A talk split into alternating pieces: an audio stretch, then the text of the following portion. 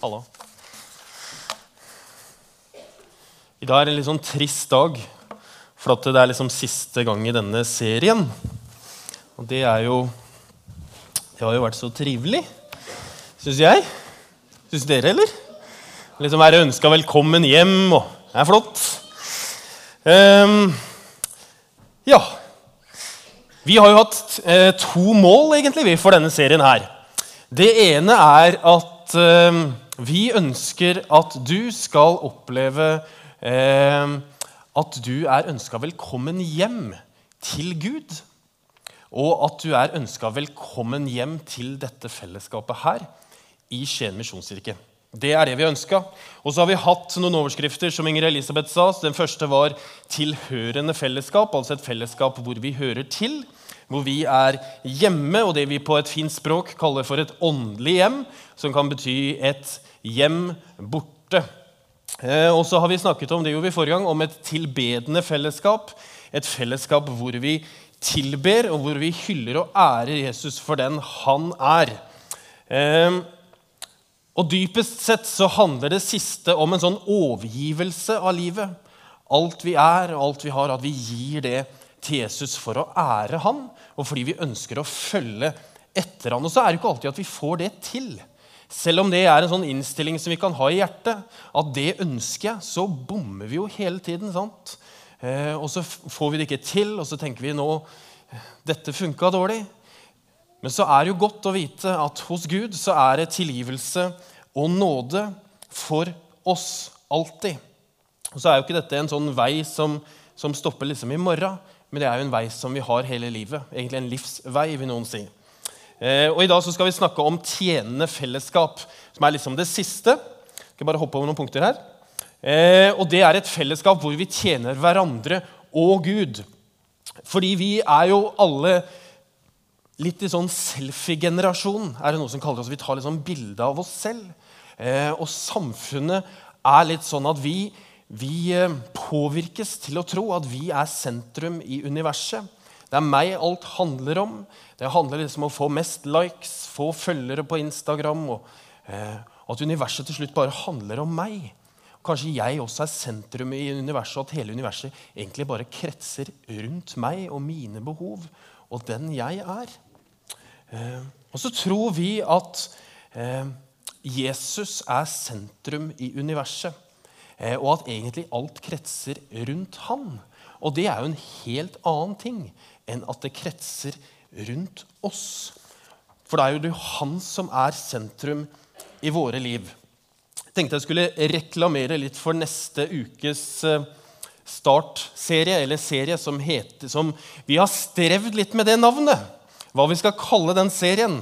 For Først så kalte vi den 'Mer enn middelmådig'. Og det høres jo litt sånn tungt ut, egentlig. For da tenkte vi at vi er jo, det er jo ikke, når vi, når vi, vokser opp, så tenker vi jo ikke at jeg skal leve et middelmådig liv. liksom Jeg skal bli gjennomsnittlig. De fleste vil jo liksom være topp på alle ting. Eh, men så har vi valgt istedenfor å kalle den det, da, så har vi valgt å kalle den egentlig. Og hvorfor kaller vi den egentlig? det er fordi vi tar utgangspunkt i bergprekenen, som er en tale som står i Matteus kapittel 5-7, eh, hvor Jesus sier, 'Dere har hørt det er sagt, men jeg sier dere.' 'Dere har hørt er sagt sånn og sånn, men jeg sier dere.' Og så tenker vi, hva er det Jesus egentlig sier? Hva er det han egentlig kaller oss til? Som etterfølgere av han i 2015, hva kaller Jesus oss egentlig til? Og Hvis du er lei av min stemme, Eh, så har du bare én søndag igjen. Og så skal Linda Andrenak Johannessen, vår barne- og familiepastor, ha to på rad. Så vet du det. Men i dag, når vi skal snakke om tjenende fellesskap, så har jeg tenkt å starte i en annen ende enn det du kanskje tenker. Eh, fordi når vi skal snakke om tjenende fellesskap, eller å tjene, så må vi starte med å snakke om frihet og hva Bibelen og hva Jesus sier om frihet. Fordi det å tjene det kan fort oppleves som en plikt, som et krav og noe vi må gjøre. Og i evangelisk kristen tro så handler eh, Så er det helt feil. Det handler ikke om plikt, og det handler ikke noe man må gjøre. Men du er jo velkommen hjem til et tjenende fellesskap. Og i dette hjemmet så er alt basert på frivillighet. Frivillig er jo et ord som består av to ord. Fri og villig. Noen tror det er fri og billig, og det er jo også. Men det handler om å være fri og villig. Og i Norge så har vi noe som heter eh, Frivillighets Norge, som er liksom 250 organisasjoner som står sammen der, og de representerer over 50 000 lag, foreninger og menigheter. Og under der igjen er jo en haug av mennesker, og frivilligheten i Norge står jo kjempehøyt. Og fordi uten frivillighet så stopper Skien misjonskirke. Alle menigheter i Norge stopper omtrent, og hele Norge stopper uten frivilligheten. Så er jo Jeg jobber jo her, så jeg er jo på en måte stuck. Og Av og til så snakker vi i stab vi er seks stykker i stab, og vi snakker av og til om ansatte og frivillige. Og det liker jeg egentlig ikke, for da føles det jo som at jeg er her på tvang. At jeg er liksom tvangsarbeideren, stuck her og bare må. Um, og er jeg her på tvang, egentlig? Jeg jobber nesten hver søndag mange helger, eller det er jo søndagene, og mange kvelder og nesten alle høytider. Og så kan man spørre er, vi, her, er jeg her på tvang, egentlig. Og så tenker jeg at jeg er faktisk ikke her på tvang. Hvis jeg hadde opplevd det som tvang, så måtte jeg ha funnet noe annet å gjøre. Og det er jo nok han jobber på Nav og søker på. Men jeg tenker at når jeg ser hvor rikt velsignet jeg blir av å se en menighet som blomstrer, en frivillighet som blomstrer, og hvor jeg ser at mennesker møter Gud og blir tent igjen på nytt, så tenker jeg jeg kan jo ikke være et bedre sted. Samtidig så tenker jeg av og til Gjør jeg dette virkelig frivillig? Er jeg, er, gjør jeg dette frivillig? Når vi havner i en situasjon eller en samtale, en greie, så tenker jeg gjør jeg dette virkelig frivillig? Men det gjør jeg. Men hvis jeg er frivillig, er jeg bundet da? Hvis jeg er frivillig, er jeg forplikta? Paulus, som har skrevet halve Nytestamentet, han strever òg litt med det. Og han skriver i 1. Korinterbrev 9, 16-17. Men det at jeg forkynner evangeliet, er ikke noe jeg skryter av. Det ligger på meg som en tvang. Ved meg om jeg ikke forkynner evangeliet. Gjør jeg det frivillig, har jeg jo krav på lønn. Men gjør jeg det fordi jeg må, er det en forvalteroppgave som er betrodd meg. Og så klarer ikke jeg helt å finne ut av om Paulus er frivillig, eller om han er tvunget til det. Og så lurer jeg på kan man være tvunget av kjærlighet. Kan man være frivillig forplikta. Alt i evangelisk kristent arbeid er basert på frihet. Og det er utrolig viktig å si når vi skal snakke om å tjene. Fordi det er så mange religiøse systemer som setter lover og regler og rammer og retningslinjer, og at alt er, liksom, blir gjort pga. tvang eller fordi vi føler at vi må, eller på plikt. Men alt er basert på frihet så kommer jo denne friheten av kjærlighet, fordi Gud er kjærlighet. Og det som kjennetegner kjærligheten, er at den setter mennesker fri. Altså at kjærligheten setter fri. Fordi kjærligheten den søker ikke sitt eget. Det er jo egoismen som gjør. Og hva gjør egoismen? Jo, den binder jo. Men kjærligheten, den gjør fri. Og det som er flott da, med evangelisk kristen tro, som vi er en del av, det er det at du må jo ikke gå på gudstjeneste. Du må ikke lese i Bibelen. Du må ikke be. Du må ikke gi tiende. Du må ikke ha en tjeneste. Du må ingenting. Må, skulle, burde. Alt det er borte. Nå, hvis vi hadde vært i en pinsemenighet nå, så hadde de sagt halleluja for det. At du må ikke noen ting. Du er satt fri. Og så trodde vi kanskje en stund at vi kunne forvalte denne friheten som vi er gitt, uten kjærlighet. Men så oppdaga vi kanskje etter hvert i livet at denne friheten uten kjærlighet blir et slaveri. Og et slaveri av egen frihet. Og så har det ført til et religiøst slaveri, som jeg har sagt noe om. Og så fører det også til et verdslig slaveri, som gjør at vi føler synd, vi føler skyld, og vi føler skam. Og det var jo derfor Gud sendte Jesus Kristus. Fordi han er vår frigjører. Evangeliet det er vårt frihetsbrev. Menigheten er jo dypest sett en frigjøringsbevegelse. Og gudstjenesten og menigheten er et fristed. Frihet er kjempesvært å snakke om. Og så står det i Galaterbrevet 5.1 at til frihet har Kristus frigjort oss. Stå derfor fast, og la dere ikke tvinge. Og Hvis det er noen kristne ledere som tvinger deg til noe, vet du hva du må gjøre da? Da må du bare løpe av sted. Da må du ikke være der. Fordi friheten har vi fått av Gud, og den skal du ikke la noen ta fra deg. Og så har jo denne Friheten som vi har fått av evangeliet, har jo prega oss som samfunn i tusen år. Det er jo derfor vi har ytringsfrihet. Vi kan si hva vi vil. Vi har politisk frihet. Vi kan stemme på hva vi vil. Og hvis vi ikke liker det partiet som vi stemmer på, eller som vi vurderer å stemme på, så kan vi starte et eget. Vi har religionsfrihet. Vi kan tro hva vi vil. Vi har stor frihet. Fordi kjærligheten gir frihet, og den friheten gir noen valg som vi kan velge å ta. Jeg spurte i stad hvis jeg er frivillig, er jeg bundet da? Hvis jeg er frivillig, er jeg forplikta da? Kan man være bundet av kjærlighet? Og det tror jeg, egentlig. Fordi en frihet som er grunnlagt i kjærlighet, gir noen valg. Ikke av plikt, men basert på den friheten som Gud gir gir oss. Henger dere med? Det er litt sånn tungt, kanskje. Men dere henger med. Kan dere nikke sånn? Vi henger med. Det er bra. Og Det er jo derfor mange i vår menighet tjener i vår menighet. At de ofrer tid og penger og ressurser for å tjene. Fordi de har tatt et valg om at den friheten som de er gitt, i kjærlighet ønsker de å gi tilbake. Og da kan det av og til oppleves nesten som at man er tvunget til det. Og så er balansen da til å tenke at jeg er faktisk ikke tvunget av det, men det er et valg jeg tar. Ja.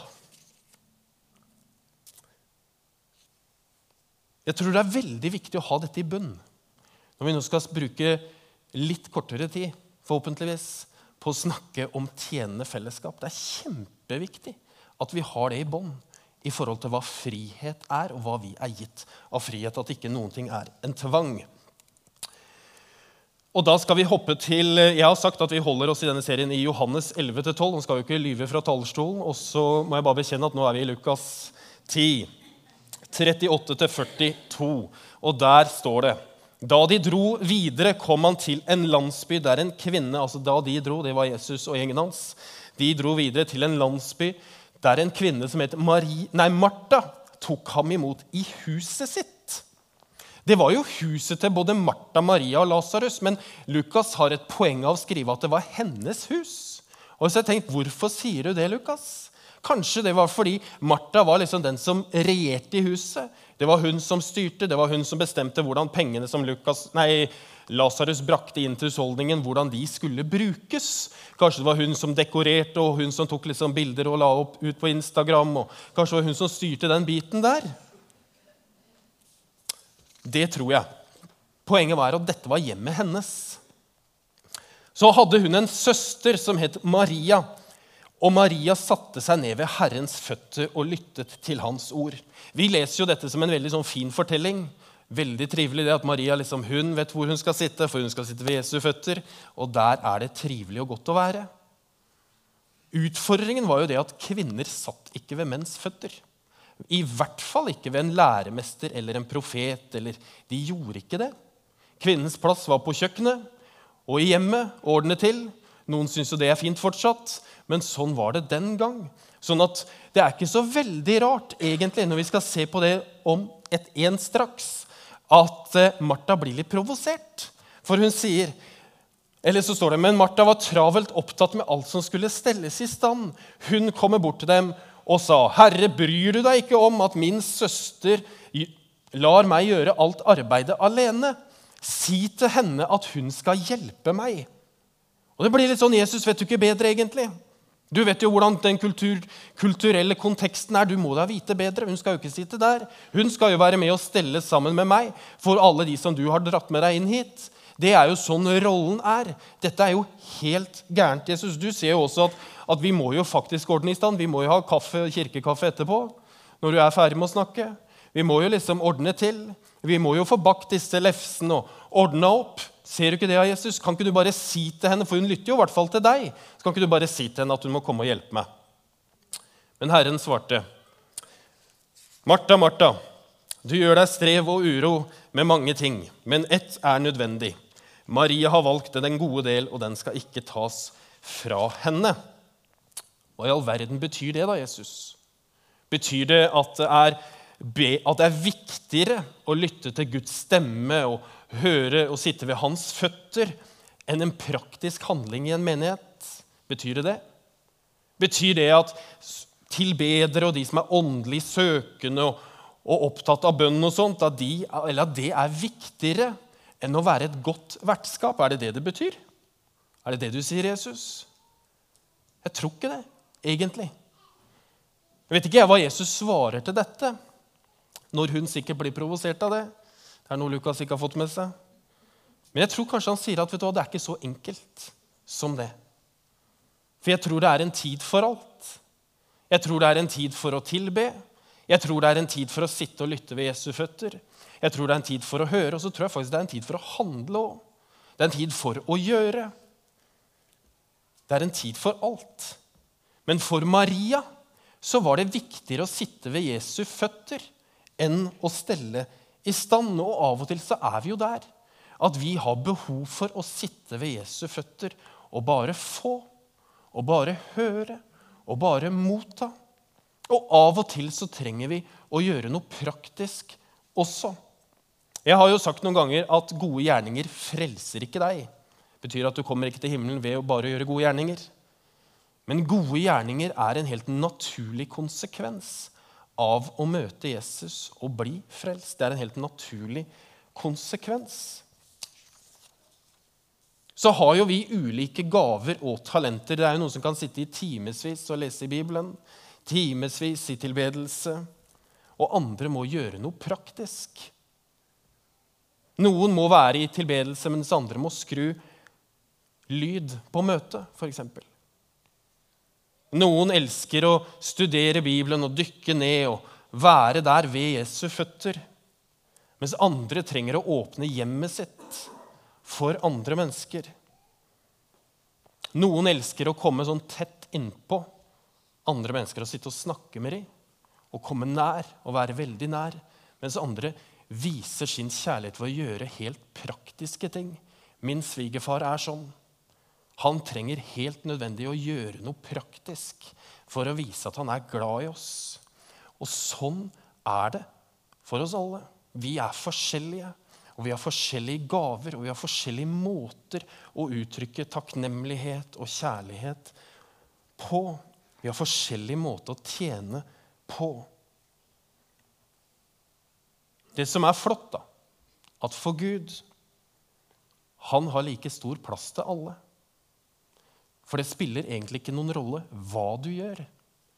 Men det som betyr noe, er hvorfor du gjør det. I en menighet så sies det at 20% gjør 80% Eller at 20% gir 80% og at de resterende 80 gjør 20 Det kan jo av og til føre til litt sånn lett murring eller irritasjon. For de 20 som gjør 80, det er litt sånn Se på alt det vi gjør, da. Se på alle timene vi legger ned. Se på alt vi holder på med. Se på meg, liksom. Nå tar jeg bilde av meg sjøl. Se på meg. Hva alt det jeg gjør. Og så tenker jeg Når vi begynner å sammenligne oss selv med hvor mye tid vi bruker, eller hvor mye penger vi gir, eller hvor mye vi gjør, så blir det helt gærent.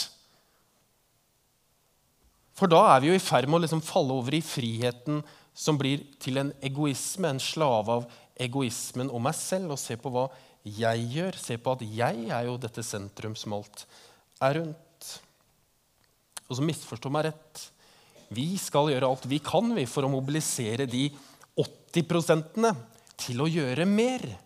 Fordi hvis vi skal nå de målene vi har satt som menighet, så trenger vi å få alle med. Men ikke av tvang, men av kjærlighet. Så hvor er du hen? Er du i 20 Er du i 80 Rekk opp en hånd. Og ikke minst, har du et bevisst forhold til det? Eller er det bare noe som har blitt sånn? Har du tatt et valg liksom, hvor du sier at jeg, i min familie så må vi faktisk nå gjøre noe mindre? Fordi livet krever så mye at jeg, jeg, jeg er nødt til å konsentrere tiden min der. Har du tatt det valget? Har dere snakka om det hjemme? Eller har du snakka med deg selv om det? Sånn at det ikke bare blir tilfeldig. Det er jo hele poenget. At vi har tatt et valg om at sånn ønsker vi å være som familie eller som enkeltpersoner. Fordi et tjenende fellesskap det handler ikke om hva du gjør, men det handler om hvorfor du gjør det du gjør. Så står det i 1. Korinterne 10,31.: Men enten dere spiser eller drikker, eller hva dere enn gjør, gjør det, gjør alt til Guds ære. Så tenker jeg Nå har jeg laga en sånn fin powerpoint som du sikkert kommer til å si etterpå. Det var jo bare forvirrende. Nå kommer et bilde som jeg er veldig fornøyd med. Tenk hvis Tenk hvis vi hadde hatt venteliste på å bli leder på, blant ungdommene på loftet. Tenk hvis det var så stort press på oss at vi bare ønska å tjene på loftet. Så vi måtte si vet du hva, nå, er, nå har vi faktisk nok ledere, og mer enn det. Nå trenger vi å sette litt sånn på pause. Eller at det hadde vært sånn på BIM. Tenk hvis vi i staben aldri hadde trengt måtte tenke på å følge opp noen som sier at jeg skal ta ansvaret, men fordi vi ikke visste helt om de var, om de tok ansvaret, så måtte vi liksom følge opp de også. Tenk hvis det var sånn. Tenk hvis det var sånn at vi i menigheten ikke trengte å bekymre oss for økonomien i det hele tatt. Fordi, bare, fordi folk hadde bestemt seg for noe de skulle gi, sånn at det ikke bare ble tilfeldig etter hva man hadde i lomma på søndag morgen. Liksom. Men fordi vi hadde bestemt at så mye gir vi som familie. Og tenk hvis vi hadde bestemt oss for at vet du hva, jeg kommer til dette fellesskapet mer for å tjene andre enn å tjene meg selv. Tenk hvis vi hadde bestemt oss for at vet du hva, min tjeneste er først og fremst ute der jeg bor. Blant mine naboer, blant mine kolleger. Og vet du hva, jeg ønsker å ha et hjem hvor jeg bare åpner opp for alle guttene i klassen til sønnen min. liksom. Så de kunne komme der når de ville. Tenk på det.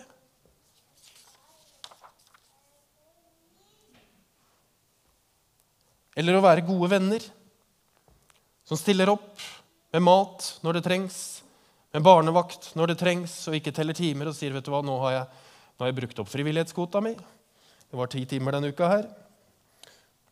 Eller tenk hvis vi som familier tenkte, kanskje spesielt vi som Jeg er jo småbarnspappa.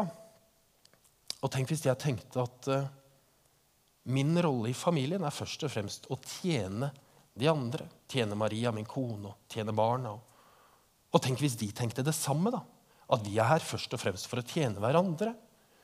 Men Hvordan i all verden skulle det gå opp? da? Jo, hvordan skulle liksom, Ville jo ikke funke, det. Eller ville det det? Hvis vi alle tenkte at vi tjente hverandre. Tenk hvis vi tenkte at vi tjener hverandre frivillig. Av kjærlighet. Der det er behov.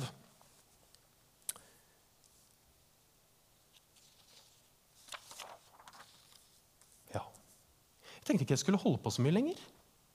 Egentlig. Er det noen som er veldig happy for det? Men vi skal avslutte denne serien som det vi ofte gjør når vi inviterer venner hjem. Hva gjør vi da? Da spiser vi sammen. Og nå skal vi gjøre noe som vi vanligvis Og dette er liksom, nå går vi virkelig utafor boksen, fordi vi har vanligvis nattvær hver første i måneden. Og hvis du ser på kalenderen, så er det 25. januar, så det er den siste. Det betyr at vi skal ha nattvær i dag, og så skal vi også ha nattvær neste gang. Men fordi vi liksom eh, tenkte at det er fint å gjøre i dag, så skal vi gjøre det litt annerledes. Det betyr at nattværbordet står bak der. For dere som ser dit, så skal ikke alle gå opp hit. altså. Det er ikke poenget. Men vi, det er noe med å løfte fram nattverden som noe man kan gjøre hjemme. I familien. Når man inviterer venner hjem. I smågruppene. At vi senker litt den, den terskelen for når vi feirer nattvær. Og så er det også sånn at eh, De som er på BIM, de har fått litt sånn fri i forhold til hva de vil gjøre. Så det kan hende at det kommer inn noen tre, noen tre fire, fem, seksåringer inn her stormende inn. Og det kan hende at de ikke gjør det. Og det kan hende at de kommer opp nedenifra også, men det bestemmer de som er ledere på BIM. Så vet du også det. Um, ja. Og så sier jeg at det er enkelt i dag. Skal vi se.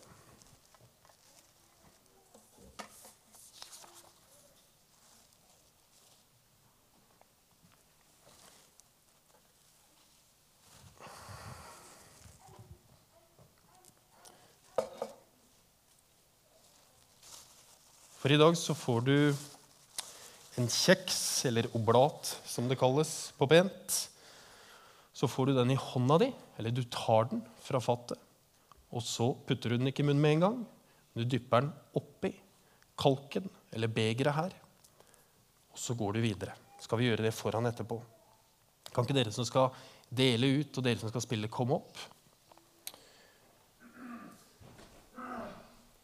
Så er nattværmåltidet det er et fellesskapsmåltid hvor vi feirer fellesskapet sammen.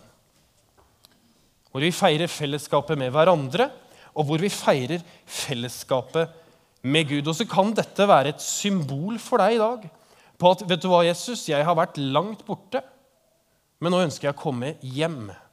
Nå ønsker jeg å komme til deg igjen, og derfor går jeg til nattvær i dag. Kanskje det er for deg i dag. Skal vi lese innstiftelsesordene sammen? det, eller jeg leser det, så står det på veggen. Det står i 1. Korinterne 11. Skal vi reise oss?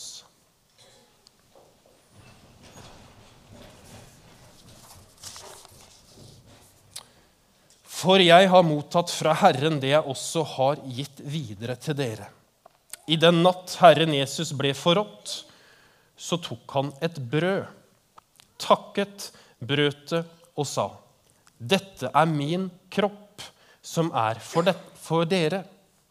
Gjør dette til minne om meg. Og På samme måte så tok han begeret etter måltidet og sa.: Dette begeret er den nye pakt i mitt blod. Hver gang dere drikker av det, gjør det til minne om meg. For hver gang dere spiser dette brødet og drikker av begeret, forkynner dere Herrens død helt til Han kommer, skal vi be. Herre, takk for at du inviterer oss hjem til deg. Takk for at det er det dypeste ropet fra ditt indre. At du ønsker mennesker hjem til deg. Og jeg takker deg for at hos deg, Jesus, så fins det nåde, tilgivelse, nye sjanser og nye muligheter hele tiden. Jeg ber Jesus om at du skal være nær oss i nattverden. Takker deg, Herre, for at når du døde på korset, så sa du ikke at det var halvveis. Men du sa det var ferdig. Det var nok. Jeg takker deg for at det blodet som ble ut, utøst på korset Jesus, at det er nok for oss alle. Ta imot oss med våre liv, og der vi er, i Jesu navn. Amen.